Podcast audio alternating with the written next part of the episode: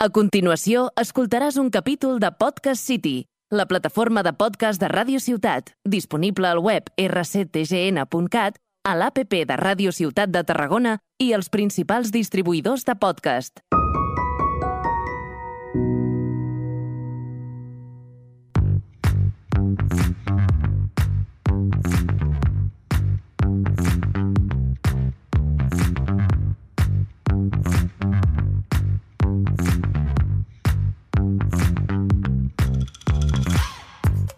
Buenos días, buenas tardes y por si no nos vemos luego, buenas noches. Bienvenidos a Entrada para dos, un programa presentado por yo mismo, TJ Calvet, y Jordi Aldave Onde. Hola Jordi. Hola Alajar, ¿qué tal? Bueno, eh, aquí un programa más, ¿no? Sí. Hoy traemos a de invitado a Iván Serra. Hola Iván. Hola, buenas tardes, noches, días, lo que tú quieras. ¿Usted en- se dedica profesionalmente al cine? ¿En qué ámbito? Bueno, yo llevo nueve años dando clase de guion en la Escuela de Cinema de Reus y aparte trabajando en proyectos propios, largometrajes, series, lo que, lo que, lo que se tercie.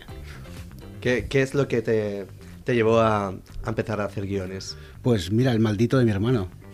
O sea, yo tengo un hermano que es cinéfilo, eh, con, de pequeño quería ser director de cine, luego fue mutando, pero tiene un profundo conocimiento de- del guion, eh, fue profesor de guion antes que yo, y a mí me gustaba escribir, así que me envenenó un poquito y acabé escribiendo yo guiones, más guiones que él. Y así estamos. Joder. ¿Tu hermano es por casualidad David Serra? Justamente él, David Serra, El que también tenéis un, un podcast aquí. Lottie Kane, sí, es cierto.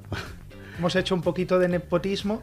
Trayendo a guionista de otro de nuestros programas hermanos y en esa escuela en la cual enseñas guion me da que tienes dos alumnos muy majos y muy Sí, simpáticos. que me habéis secuestrado aquí, eh, yo encantado, ya sabéis. Pero, pero sí, sí, un poquito traición, me habéis traído aquí a vuestro podcast secuestrado y, y bueno, un placer estar aquí con vosotros.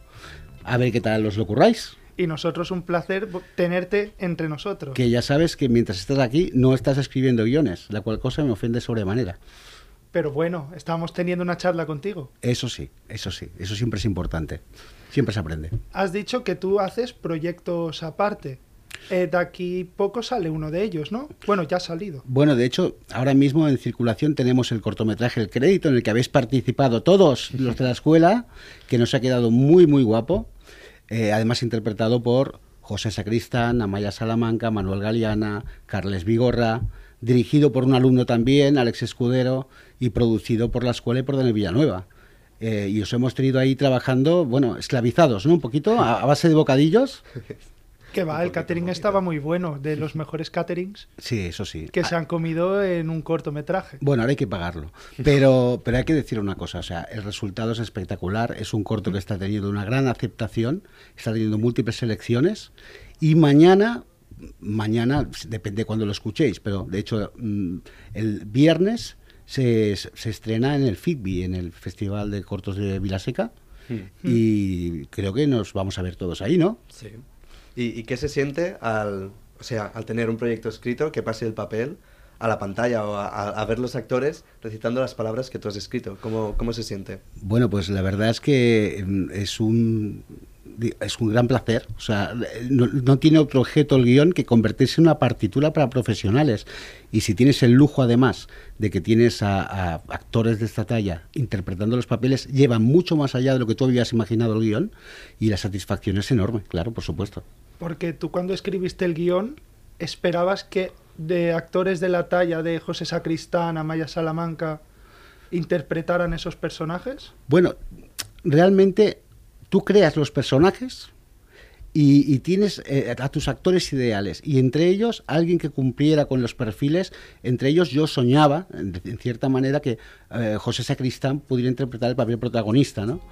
Pero cuando tú escribes el guion, tú mm, ya sueñas la película. Casi, casi no les pones rostro, simplemente de pronto unos personajes cobran vida, se apropian, se apropian de los diálogos y, y se- y- y, bueno, el resultado, pues eh, muy contento con el resultado. Qué guay. Ajá. O sea, Y- eh, Sí, di, por favor, por favor, no, tajar, tajar. Ah, pues Eh, cuando te dijeron que José Sacristán iba a salir en el corto, ¿cómo te, ¿cuál fue tu primera impresión? Pues mira, la primera, te diré que la primera que dijo que sí fue Maya Salamanca. Eh, ya la ilusión, imagínatela, ¿no? Pero incluso desde ahí se sugería que, que quizás debíamos ser ambiciosos, quizás que para el papel encajaba como un guante eh, José Sacristán. Y que yo cuando lo vi, que tuve la ocasión de cenar con él, eh, lo primero me dijo que él había entendido el guion como una invitación para jugar. Y él a sus 85 años no ha dejado nunca de hacerlo. Entonces cuando le llega un texto que le invita a pasárselo bien y a, interpretar, eh, él se lanza y lo da todo. Y muy, muy feliz, sí. Qué guay. O sea, ¿y en qué momento a mí esto es lo que... Yo soy una persona que me cuesta mucho sacar mi idea al papel. ¿En, qué momento salió el crédito? ¿Cómo, cómo salió este, Ay, este pues, pues mira, eh, de pequeños momentos, de pequeñas situaciones, ¿no? Eh, fíjate, el crédito, ¿no? ¿Quién no se ha enfrentado, a mi edad ya, que tengo medio siglo a cuestas, al trámite eh, obligado de, para poder avanzar en esta vida, sentarse delante de un banquero y pedirle un crédito? Entonces yo me imaginaba, con todo lo que ello comporta, porque a mm. partir de entonces eh, eres de su propiedad, de cierta manera, hasta que no pagues. Y juntando estas ideas, juntando pequeños momentos, pequeños, eh, pequeñas ocurrencias, te, sale, te, sale una, una pequeña esencia de lo que va a ser luego el relato. Y trabajándolo, como vosotros ya sabéis, desarrollándolo, creando una buena estructura, pues pues te embarcas en, proyectos más grandes, hasta que se convirtió en este que es pequeñito porque es un cortometraje, pero que es una historia completa. Y cuando consigues ese efecto de, decir, voy a sorprender, voy a dar a la gente lo que espera, pero no como ella lo espera, ¿no? En un terreno reconocible, no como es pedir un crédito, pues dices, pues bueno, pues oye, no está tan mal. Y bueno, visto el resultado, muy contento de él, como os he dicho. Y ya desde el guion el crédito ya empezó ganando un premio. Sí, tuve la suerte de ganar, atención, ¿eh? el vigésimo tercer certamen internacional de guion del largometraje cinematográfico de la Universidad de La Laguna. ¿Cómo has memorizado todo eso? Te cuento. Yo cuando vi esto dije, sí, es más largo el título que el, que el guion, ¿no? Pero, pero me dio buen palpito. Envié tres cortometrajes. Y recuerdo que cuando lo envié, eh, tuve la sensación de, bueno, ya recibiré noticias. Y al cabo de mucho tiempo me contactaron por teléfono diciendo que por qué no respondía al mail que me anunciaba como ganador. Que si no lo había visto. ¿Qué mail? ¿Qué, mail? ¿Qué mail? Estuve que buscar... spam. No lo sé. bueno, ya sabéis que también no soy un prodigio de la organización y por lo tanto eh, era normal que estas cosas me pasen a mí. Entonces eh, me invitaron a, La Laguna eh, y la verdad es que fue una experiencia maravillosa y fue el primer premio. O sea, el guion está premiado y luego estuvo mucho tiempo durmiendo de cajón en cajón y de mesa en mesa esperando que alguien se lanzara a hacerlo. ¿Y tú crees que ese premio afectó a que, quiero decir, ayuda a convencer a los actores a intervenir? No, no. No creo que un... Evidentemente, cuanto más premiado está, más tranquilo te quedas por la inseguridad del guionista de saber si lo que ha escrito es bueno. Estaríamos enseñándole nuestros guiones a todo el mundo todos los días, todas las horas del día, solo por reafirmarnos como, como guionistas, ¿no? Eh, estaríamos cambiando cosas, mm, sería un no parar. Pero sin embargo, mm, no creo que sea decisivo el ganar un premio para que un actor se interese. Yo creo que, que eso sería un error, porque pensar que gana uno ¿Quiere decir que los demás no son buenos? No, hay un jurado muy determinado que se levanta por la mañana de una manera determinada y que le ha gustado más un guion que otro. Eso no quiere decir que tu guion sea malo. Eh, tú tienes que tener la certeza y la honestidad de saber que cuando has hecho un buen trabajo y cuando no lo has hecho. Hay que tener la capacidad de poder autocorregirse y autoevaluarse. Y, y tener confianza en uno mismo y lanzarse y moverlo. Un guion en un cajón, lo único que gana es polvo. Y como has dicho, el, crédito estuvo un tiempo en un cajón. Sí, mira, fíjate, en casa del herrero cuchillo de palo, ¿no? Mira que habéis hecho cortometrajes en la escuela. Sí. Eh, y fue, fue a través de, bueno, a través de, de Alex Escudero, ¿no? Que, que, le salió mal un proyecto, ¿no? Y, y, dijo, pues oye, pues voy a lanzarme al siguiente. Si esto ahora mismo no lo puedo hacer, ¿qué puedo hacer? Y, y bueno, como, como todos vosotros es un poco cabra loca y se lanzó a, y se lanzó a producirlo. Con el beneplácito de Daniel Villanueva, claro. Y, y salió ganando, o sea, ha salido un Hombre, corto. gracias. Y, y bueno, yo también quer- queríamos hablar sobre, a la hora de hacer un guion, todos los baches que, que te encuentras, por ejemplo, los más comunes, el papel en blanco. Cos- ¿Cuál sería tu consejo para esa gente que ahora mismo tiene un guion a medias con una idea buenísima, pero que no sabe cómo seguir? ¿Cómo Comer galletas. comer galletas? Sí, eh, no, no, no vas a escribir el guion, pero se te pasa el hambre. A ver, tú lo que tienes, cuando te enfrentas a la página en blanco, que ahora es una pantalla, ¿no? Es una pantalla con un cursor, escribes, borras, escribes, borras, las papeleras ya no se llenan. Eh, debes, debes sobreescribir, debes abundar en la escritura. Si tú tienes una buena idea y quieres escribir sobre ella, sabiendo que la primera fase es escribir para ti, escribir para el desarrollo, ¿no? Solo para tus ojos, como ya sabéis y os digo durante el curso, eh, no tenéis que tener autocensura. O sea, lo peor que podéis hacer es morder un lápiz y mirar al infinito esperando a que las musas acudan a vosotros a, a rellenar el papel por ti. Porque eso no va a ocurrir. Ni unos duendes mientras duermes que te llenan páginas. Ojalá, pero no ocurre. Entonces se trata de lanzarse y contar la historia tan buenamente como, puedas, tan, con, toda la rapidez, decía Hemingway, hay que escribir borracho y editar sobrio. Pues es eso, es vamos a llenar es- este blanco, que no esté así, que yo pueda leer, autocorregirme, modificar, sobreescribir, escribir, editar, y a partir de ahí la cosa va tomando forma y esos personajes van llamando a la puerta. Joder. Sin palabras me he quedado. No, sí, sí.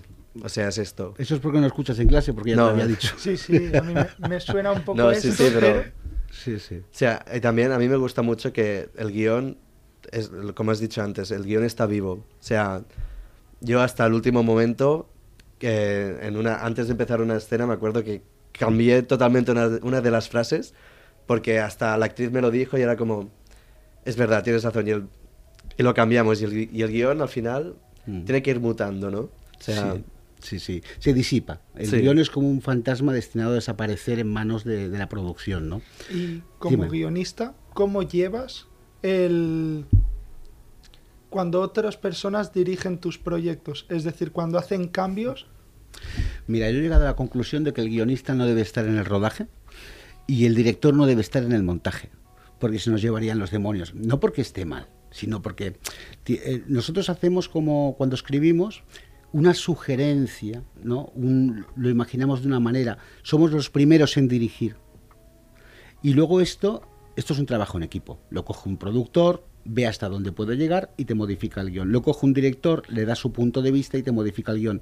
Llega el día de rodaje y como te ha pasado Jordi, resulta que aquello que has escrito tan maravilloso no rueda, no rueda, no funciona de ninguna de las maneras y hay que cambiarlo. Por eso en muchas series en directo lo que se hace es tener al guionista a mano para poder, poder hacer cambios ya, ya, ahora, porque esto no va.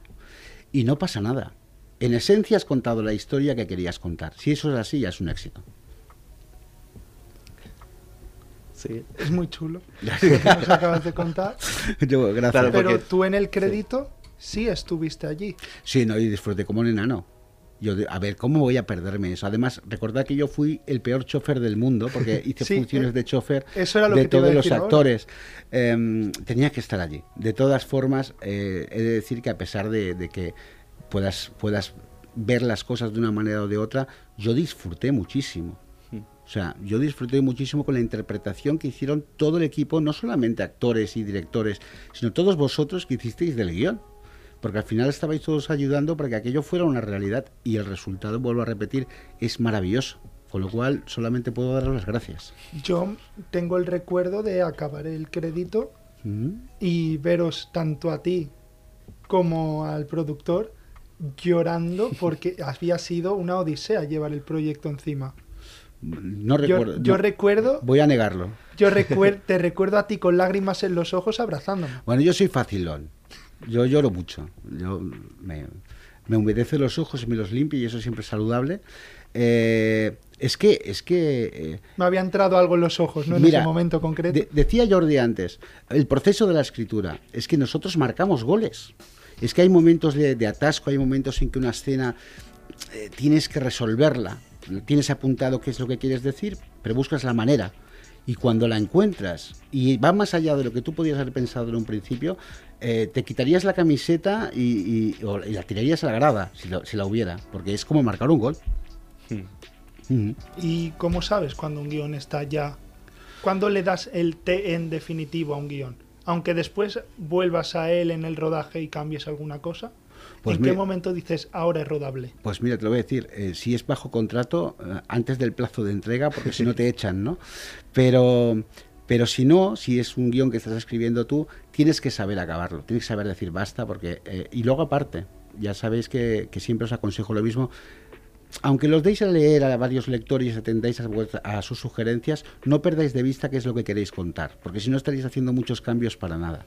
Estaréis cambiando la historia y os fallará. Pero si respetas la idea original y tú le das el visto bueno, bueno, pues ya se harán más modificaciones si te las piden o si algún día se te ocurre algo mejor. Pero en principio hay que saber acabar los proyectos. Hay que saber empezarlos, por supuesto, y lanzarse con todas las ganas, pero sobre todo, sobre todo hay que saber acabarlos. Es decir, hasta aquí. Vamos a otra cosa. Y darse contra los muros. Sí, por supuesto. Ahí están. Y, Y- eh, has participado también en un corto que ah, está ahora en Sitges. Bueno. Ahora El Festival de Sitges. en el festival que estuvo sí. en su momento en el Festival de Sitges este año. Sí, sí, sí, una maravilla, una maravilla creada por Joseph Díaz. Joseph Díaz, eh, aparte de, de un, un excelente amigo, eh, es eh, concept artist top, top de la industria. Ha trabajado en películas como Rambo 5, Lo Imposible, Un monstruo viene a verme. eh, que tiene su propio estudio de VFX y entonces en el marco del festival eh, de cine fantástico, pues qué menos que presentar un proyecto desde la escuela donde trabaja, que es la ECIP, la, la competencia. ¿no? Era lo que te iba a decir. Sí, pero, la pero competencia. eso no quita, somos todos una familia, así que con los mismos sueños, ¿no? Al final. Y entonces, competencia. sí, entonces él me presentó un proyecto, yo le ayudé a, a escribir el guion, de hecho lo escribimos mano a mano, y ahí se quedó, hasta que un día me llama y me dice, oye, que nos han seleccionado en Sitges. Digo, ¿qué? Hostia. Digo, no, que he rodado el corto, ya lo tengo acabado, y nos han seleccionado en Sitges. Y yo desde mi inocencia le dije, bueno, pero eh, vale, eh, y yo salgo de alguna manera allí. Entonces el tío se rió, evidentemente, y me dice, no, no, tú eres co-guionista. Joder. Y, y me, me enseñó el pantallazo descrito por, y a mí, como tú dices, pues las lágrimas afloraron en mis ojos y me perdí en ellas. Muy bien, muy bien, muy contento también. O sea, es, es de, de terror, supongo. Sí, es una maravilla. A ti este género Me encanta. te encanta. A mí el género de terror desde pequeñito.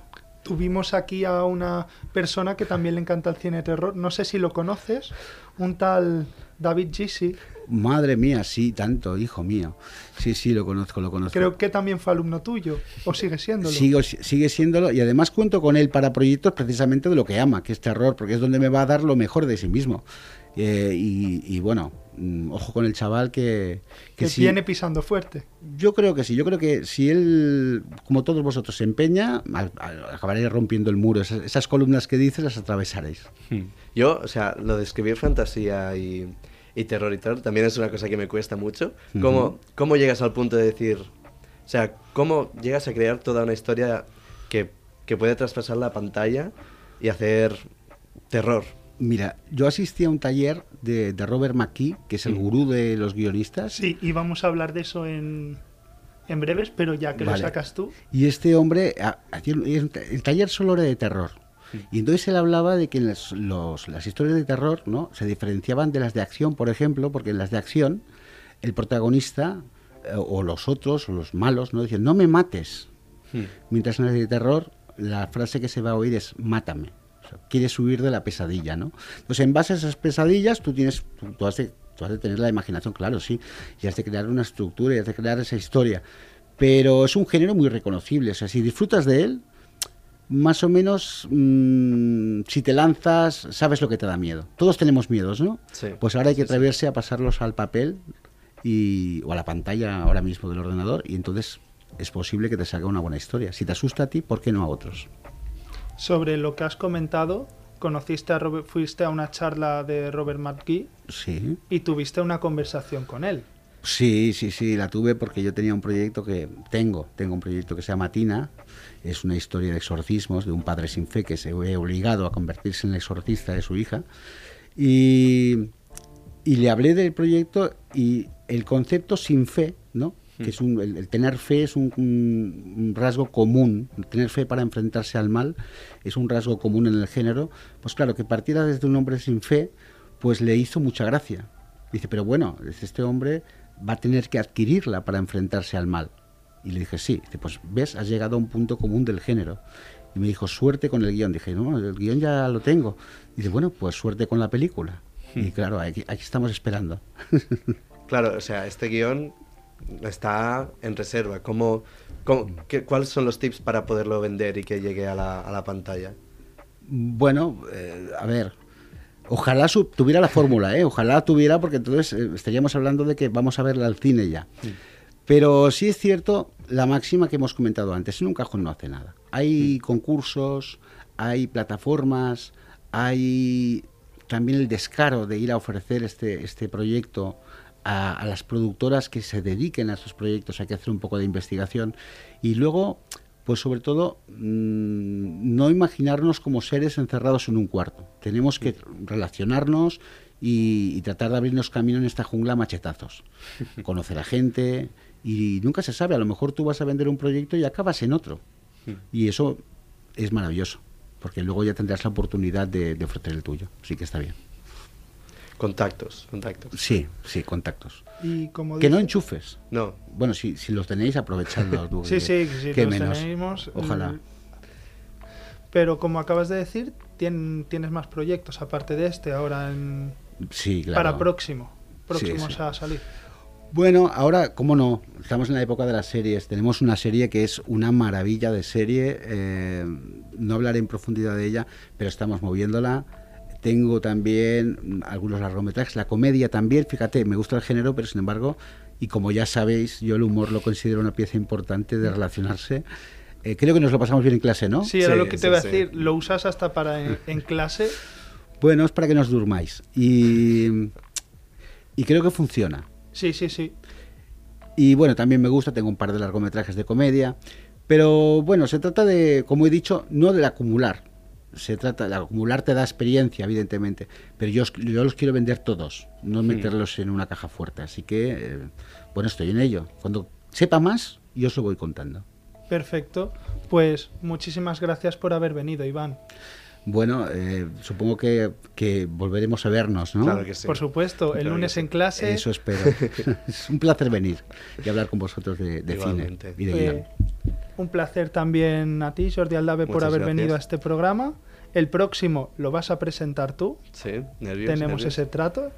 Así que eh, gracias a todos los que nos hayan escuchado. nos vemos en el próximo programa. Buenos días, buenas tardes y por si no nos podemos ver, buenas noches. Gracias.